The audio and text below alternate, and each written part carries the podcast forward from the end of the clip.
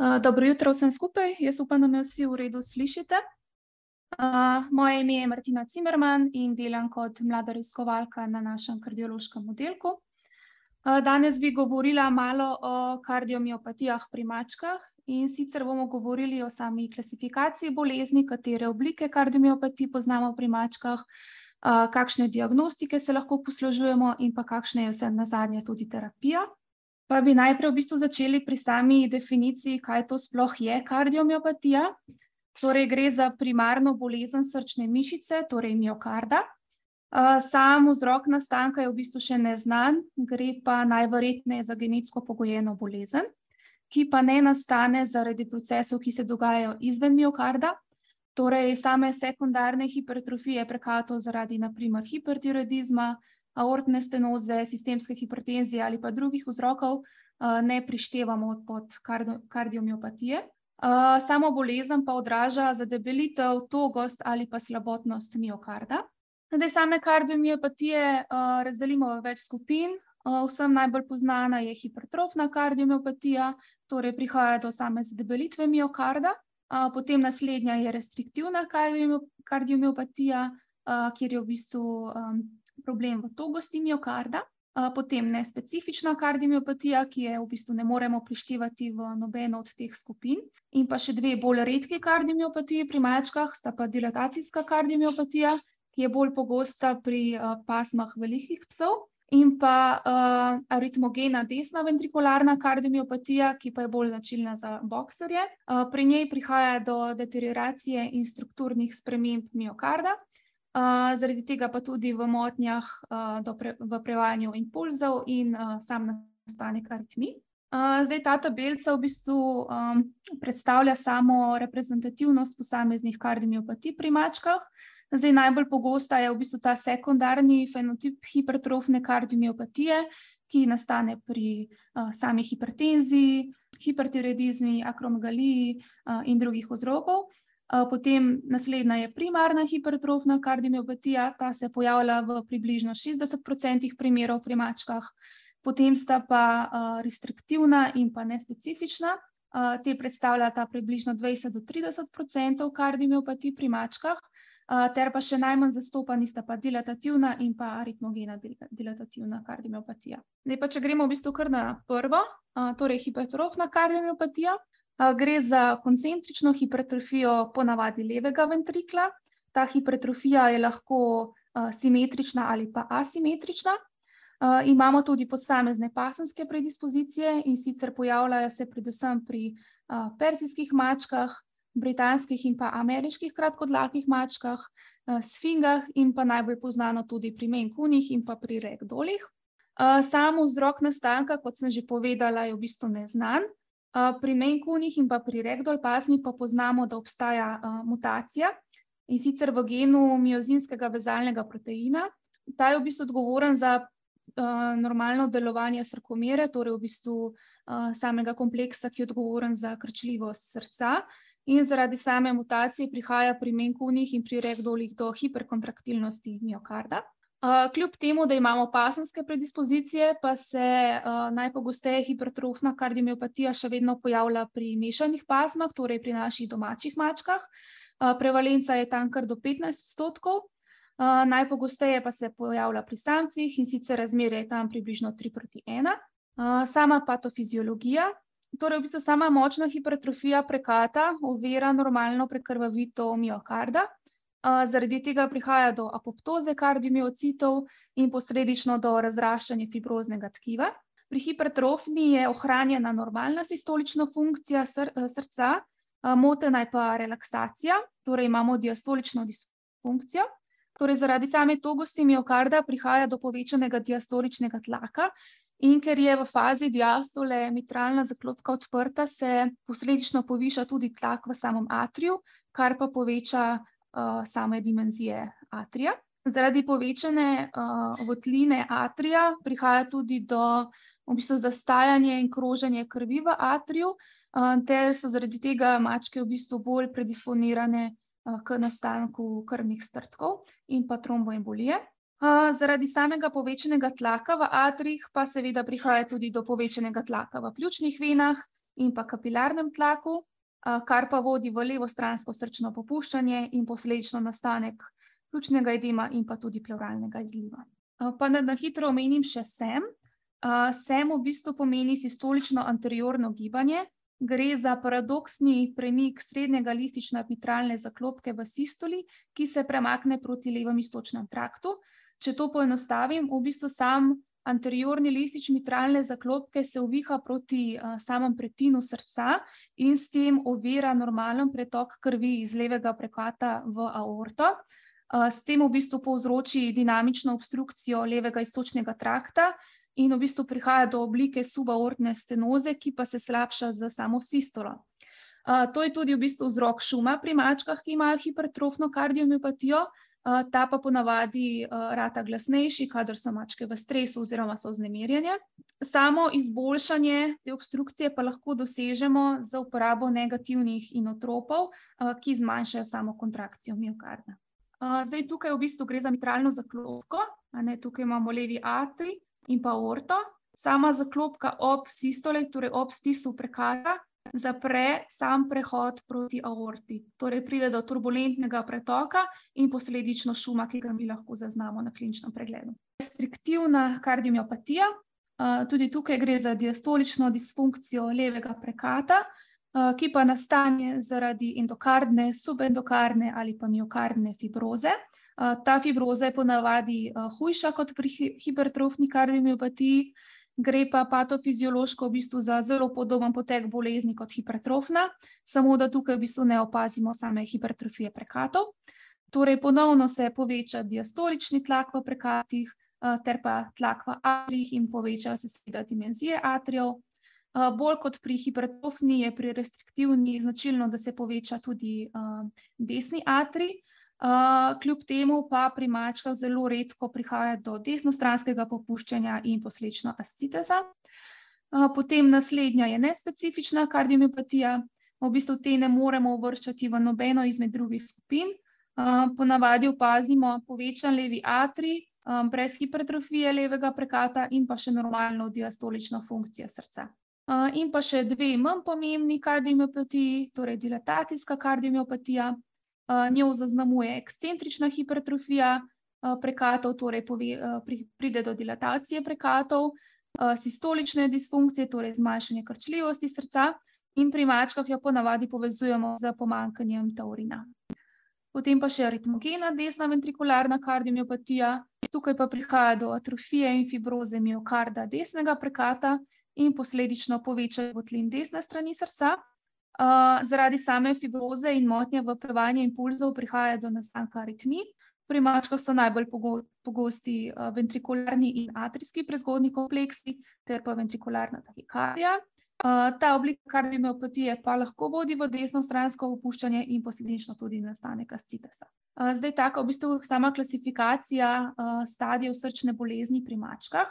Najprej imamo v bistvu stadij A, gre za mačke, ki so predisponirane, v bistvu pasemsko predisponirane k bolezni, ampak klinično in pa tudi ultrazvočno še ne kažejo samih znakov srčne bolezni. Potem sta dve subklinični fazi, gre za fazo Bena in pa Bdva. v Bena v bistvu lahko na ultrazvoku zaznamo samo hipertrofijo prekatov, same dimenzije atrijev pa so še v meji normale. Te mačke so v bistvu v nizki riziki za razvoj srčnega obolenja oziroma srčnega popuščanja. Potem pa faza Bdva, tukaj pa lahko poleg hipertrofije že opazimo tudi blago do zmerno povečan levi atrij, in so v bistvu te mačke že bolj predisponirane, da bojo v prihodnosti razvile srčno popuščanje. Potem sta pa dve klinični fazi, torej faza C in pa D. Sama faza C gre za fazo akutnega srčnega popuščanja, ki se je trenutno pojavilo oziroma se je pojavilo enkrat v preteklosti. tukaj lahko prištevamo pljučni edem oziroma plevralni izliv ali pa tudi aortno tromboembolijo pri mačkah. faza D gre pa v bistvu za refraktorno fazo, torej da se te epizode akutnega srčnega popuščanja, popuščanja večkrat pojavljajo. Pa če gremo naprej na samo diagnostiko kardiomiopatij, torej imamo različne metode, seveda prva je sam klinični pregled, nato EKG, rentgen, ultrazvok, meritev krvnega tlaka, torej za doplersko metodo. Tukaj gre predvsem za to, da izključimo možnost sistemske hipertenzije, ter pa tudi genetski testi in pa krvni biomarkerji. Zdaj, na kliničnem pregledu lahko pri subkliničnih pacijentih ugotovimo parasternalni sistolični šum, ta se pojavlja pri 80% mačk, potem lahko ugotovimo galopni ritem, gre za v bistvu slišen tretji srčni ton, ki nastane zaradi samih vibracij levega prekata. Tega lahko zaznamo v 2,6 pa do 19% prizadetih mačk in pa lahko slišimo tudi aritmije. Veliko subkliničnih mačk pa je v bistvu brez samih avskultatornih odstopanj. Zdaj, kadar imamo mačke v že srčnem popuščanju, po navadi opazimo dispnejo, tahipnejo, tahikardijo, dihajo z odprtim gobcem, zelo redko pa pri njih opazimo kašelj, ta je bolj značilen za samo astmo pri mačkah.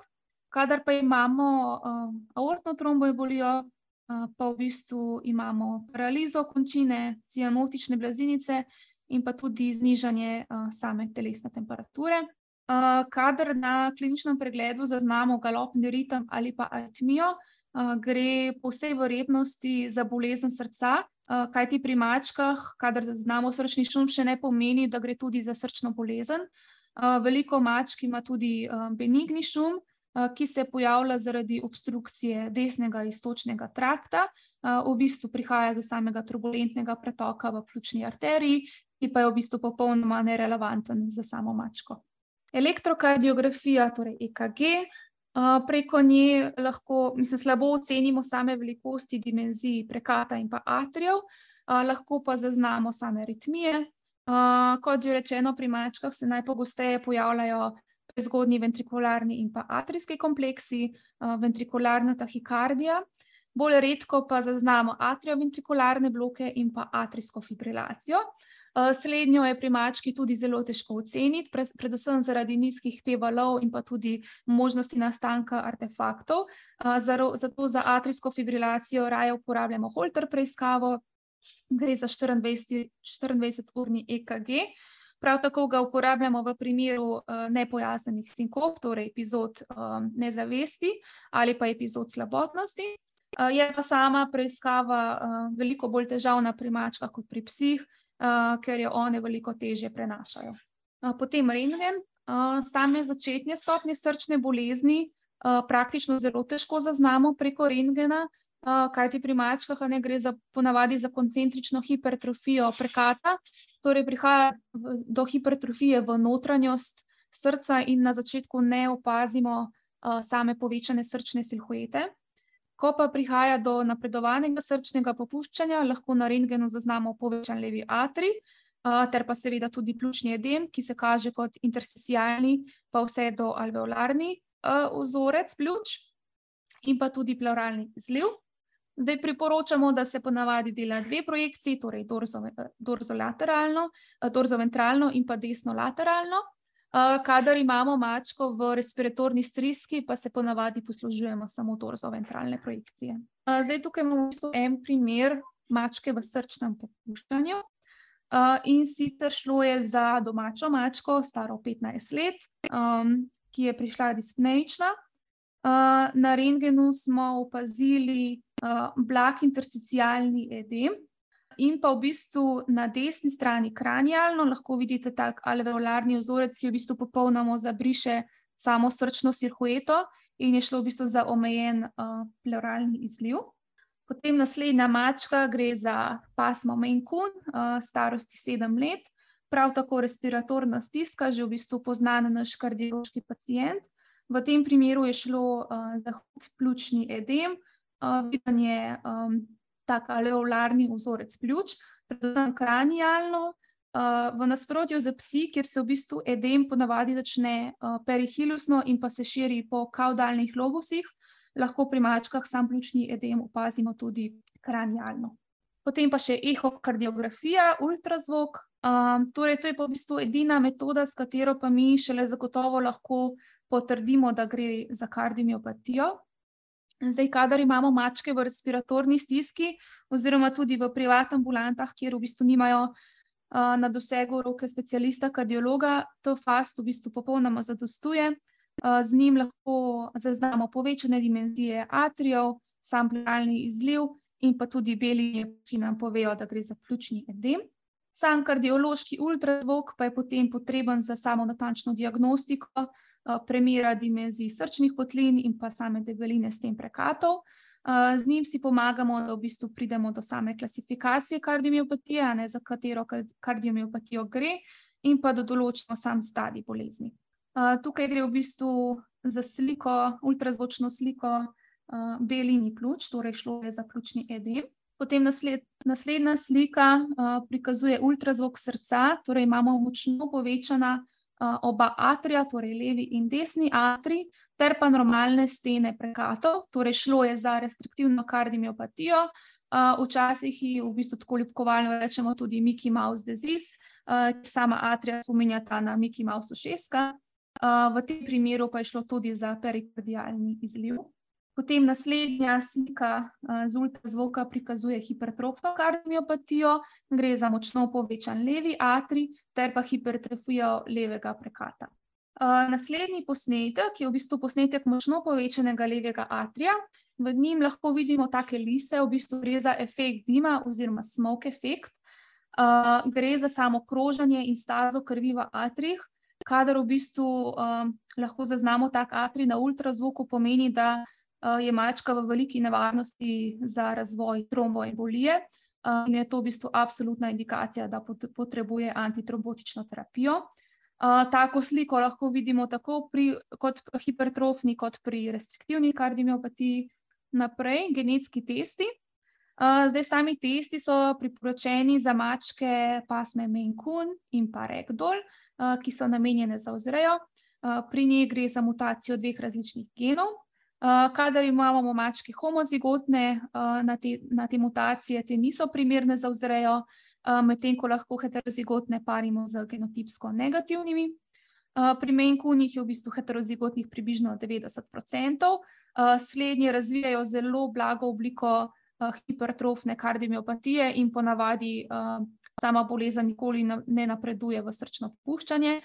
Pri homozigotnih pa pričakujemo, da bodo razvile hujšo obliko same hipertrofne kardiomiopatije. Testiranje drugih pasem ni potrebno, saj je sama mutacija teh dveh genov skoraj izključno specifična le za coon in pa ragdoll pasmo. Kljub temu pa, če imamo genotipsko negativne mačke, lahko te še vedno razvijajo samo hipertrofno kardiomiopatijo, ki pač nastane iz drugih vzrokov. Ter pa še krvni biomarkerji, ki so v bistvu pokazatelji same srčne bolezni. Prvi je NT-proBNP, gre za hormon, ki nastaja v kardiomiocitih. Slednji se poveča, ko se, ko baroreceptorji zaznajo povečan tlak in pa raztezanje srčnih votlin. Deluje kot naravni diuretik in poveča sekrecijo natrija in pa vode. Sami hitri testi nam tudi omogočajo ločitev respiratorne stiske, ki je nastala zaradi srčne bolezni, od ostalih v bistvu možnih patologij, ki lahko povzročajo samo dispnejo. Potem CRP, gre za C-reaktivni protein. To je v bistvu protein akutne faze vnetja, ki nastaja v jetrih. Njegova koncentracija se lahko poveča pri vseh vnetnih stanjih, prav tako pa se poveča ob sami poškodbi kardiomiocitov. Srčni troponin I, gre za regulatorni, ki se nahaja v citosolu kardiomicitom in je odgovoren za pravilno delovanje sarkomere, ki je pač odgovorna za krčljivost srca. Ko prihaja do apoptoze kardiomiocitov in posledično do lize same celične stene, se v bistvu srčni troponin I sprosti iz kardiomiocitov in lahko zaznamo njegovo povečano koncentracijo v krvi. Okej, pa če se vrnemo nazaj na samo klasifikacijo stadijev bolezni pri mačkah, na podlagi nje v bistvu bomo malo povedali še o sami terapiji. Torej pri sami subklinični fazi bolezni, torej pri stadiju Bena in pa Bdva, pri Bena torej gre za popolnoma začetno stopnjo srčne bolezni, kjer opazimo le hipertrofijo prekatov s še normalnimi dimenzijami atrijev. Sama terapija tukaj ni potrebna, tudi po študijah, če bi v tem stadiju pričeli s samo terapijo, niso dokazali, da bi s tem kakorkoli podaljšali oziroma izboljšali preživetje teh mačk. V tem stadiju se v bistvu samo priporočajo same enoletne kontrole pri kardiologu, in tudi verjetnost nastanka strdkov je trenutno zelo nizka. Pri stadiju B2 že opazimo same povečane dimenzije atrijev, zaradi tega se tudi že poveča tveganje za nastanek srca in posledično tromboembolije. Zato se v tem stadiju že priporoča, da se uporablja tromboprofilakso, torej antitrombotike, lahko v obliki klopidogrela, in pa svetujejo se pogostejše kontrole srca. Potem klinična faza bolezni, ponavadi pridejo mački že v akutni fazi srčnega popuščanja s pljučnim edemom, s plevralnim izlivom ali pa z epizodo tromboembolije. Na prvem mestu je seveda sama stabilizacija pacienta, torej pač pacient potrebuje terapijo s kisikom, v primeru plevralnega izliva torakocenteza in pa diuretično terapijo uporabljamo predvsem furosemid. Mačke so veliko bolj občutljive na diuretično terapijo kot pa psi, zato ne želimo preseči doze dva miligrama na kilo. Ko pa gre v bistvu za samo respiratorno stisko, samo frekvenco dajanja diuretične terapije povečamo, ko se pa v bistvu dihanje začne umirjati, lahko samo frekvenco podaljšamo. Prav tako uporabimo tudi tromboprofilakso, torej klopidogrel oziroma Plavix, in pa seveda spremljamo frekvenco dihanja, ta bi v bistvu morala potem segati tam nekje do trideset vdihov na minuto. Mačko lahko potem ob stabilizaciji odpustimo v domačo oskrbo z diuretično terapijo in pa s tromboprofilakso ter stanje reevalviramo čez ene dva do tri tedne na samem kardiološkem oddelku, kjer se v bistvu potem natančno klasificira, za kateri tip kardiomiopatije gre, in se potem predpiše natančno terapijo. Kadar pa imamo prezentacijo aortne tromboembolije, ta se v bistvu klinično manifestira tako, da že sami lastniki opazijo nenadno paralizo končine. V tem primeru gre tudi za zelo hudo bolečino, tako da tudi lastniki opazijo samo vokalizacijo mačk. Na kliničnem pregledu v bistvu ugotovimo, da je netipljiv pulz, okončina je hladna, in pa blazinice so cianotične. Če v bistvu pogledamo z ultrazvokom, lahko vidimo tudi povečan atrij in pa tudi efekt dima, ki smo ga prej videli na videoposnetku. To nas nekako usmeri, da je verjetno do tromboembolije prišlo zaradi srčne srčne bolezni. Slabi prognostični znaki pri tromboemboliji pa so v bistvu paraliza obeh zadnjih okončin, kadar imamo odsotnost globinske bolečine in pa nizka rektalna temperatura, v teh primerih svetujemo samo evtanazijo. Če pa gremo v bistvu naprej s terapijo pri aortni tromboemboliji, zdaj na mestu je seveda protibolečinska terapija, lahko se poslužujemo metadona ali pa C-rifentanila. Prav tako uporabljamo antitrombotike, torej na prvem mestu klopidogrel, ki ga lahko kombiniramo z rivaroksabanom. Do strdka lahko pride, mislim, do lize strdka lahko tudi pride in do povrnitve normalne funkcije končine. Velikokrat do tega pride, že preden lastniki sploh uspejo priti do klinike. In kljub temu da se sama zadeva lahko razreši, je vseeno velika verjetnost, da se kljub antitrombotični terapiji aortna tromboembolija spet ponovi. Zdaj samo nadaljevanje terapije v stadiju C in D, torej v klinični fazi same bolezni. Torej pacienti pač morajo prejemati diuretično terapijo v obliki furosemida, doza je približno nič cela pet do dva miligrama na kilo na osem do dvanajst ur. O sami dozi se pa odločamo na podlagi frekvence dihanja, kateri v bistvu tudi lastnikom svetujemo, da jo spremljajo doma. Potem antitrombotična terapija, na prvem mestu je klopidogrel, ki ga lahko kombiniramo z rivaroksabanom. Acetilsalicilna kislina, torej aspirin, je v bistvu veliko slabša kot klopidogrel in ga uporabljamo bolj kot zamenjavo v primeru, da pri terapiji s klopidogrelom prihaja do neželenih učinkov, predvsem lahko opazimo epistakso, torej krvavitev iz nosnic. Potem beta-zaviralci, atenolol, tega uporabljamo, kadar imamo hujšo obliko SEM, torej v v primeru hujše obstrukcije levega iztočnega trakta, zaradi česar prihaja do povečanih polnitvenih volumnov in pa povečane frekvence srca. te pač v bistvu znižujejo samo krčljivo srca in izboljšajo samo obstrukcijo. In pa še mačke v napredovalnem srčnem popuščanju lahko prejmajo tudi AC inhibitorje pred samim dejanjem AC inhibitorja, kot pa tudi seveda diuretične terapije, moramo pa obvezno preveriti tudi ledvične vrednosti. Pa če še zaključim, torej kardiomiopatije pri mačkah so zelo heterogene skupine miokardne bolezni. Sama etiologija je še vedno nepoznana. Pri mačkah z napredovano srčno boleznijo imamo v bistvu zelo slabo prognozo, pri njih govorimo bolj v mesecih kot pa v letih. Sam problem pa lahko identificiramo tudi s T-fastom, predvsem na manjših klinikah, ki nimajo kardiologa. To popolnoma zadostuje za reševanje urgentnega stanja, torej plevralnega izliva, pljučnega edema oziroma trombolije. Sam kardiološki pregled pa je nato indiciran za natančno klasifikacijo kardiomiopatije. To je vse z moje strani. Najlepša hvala.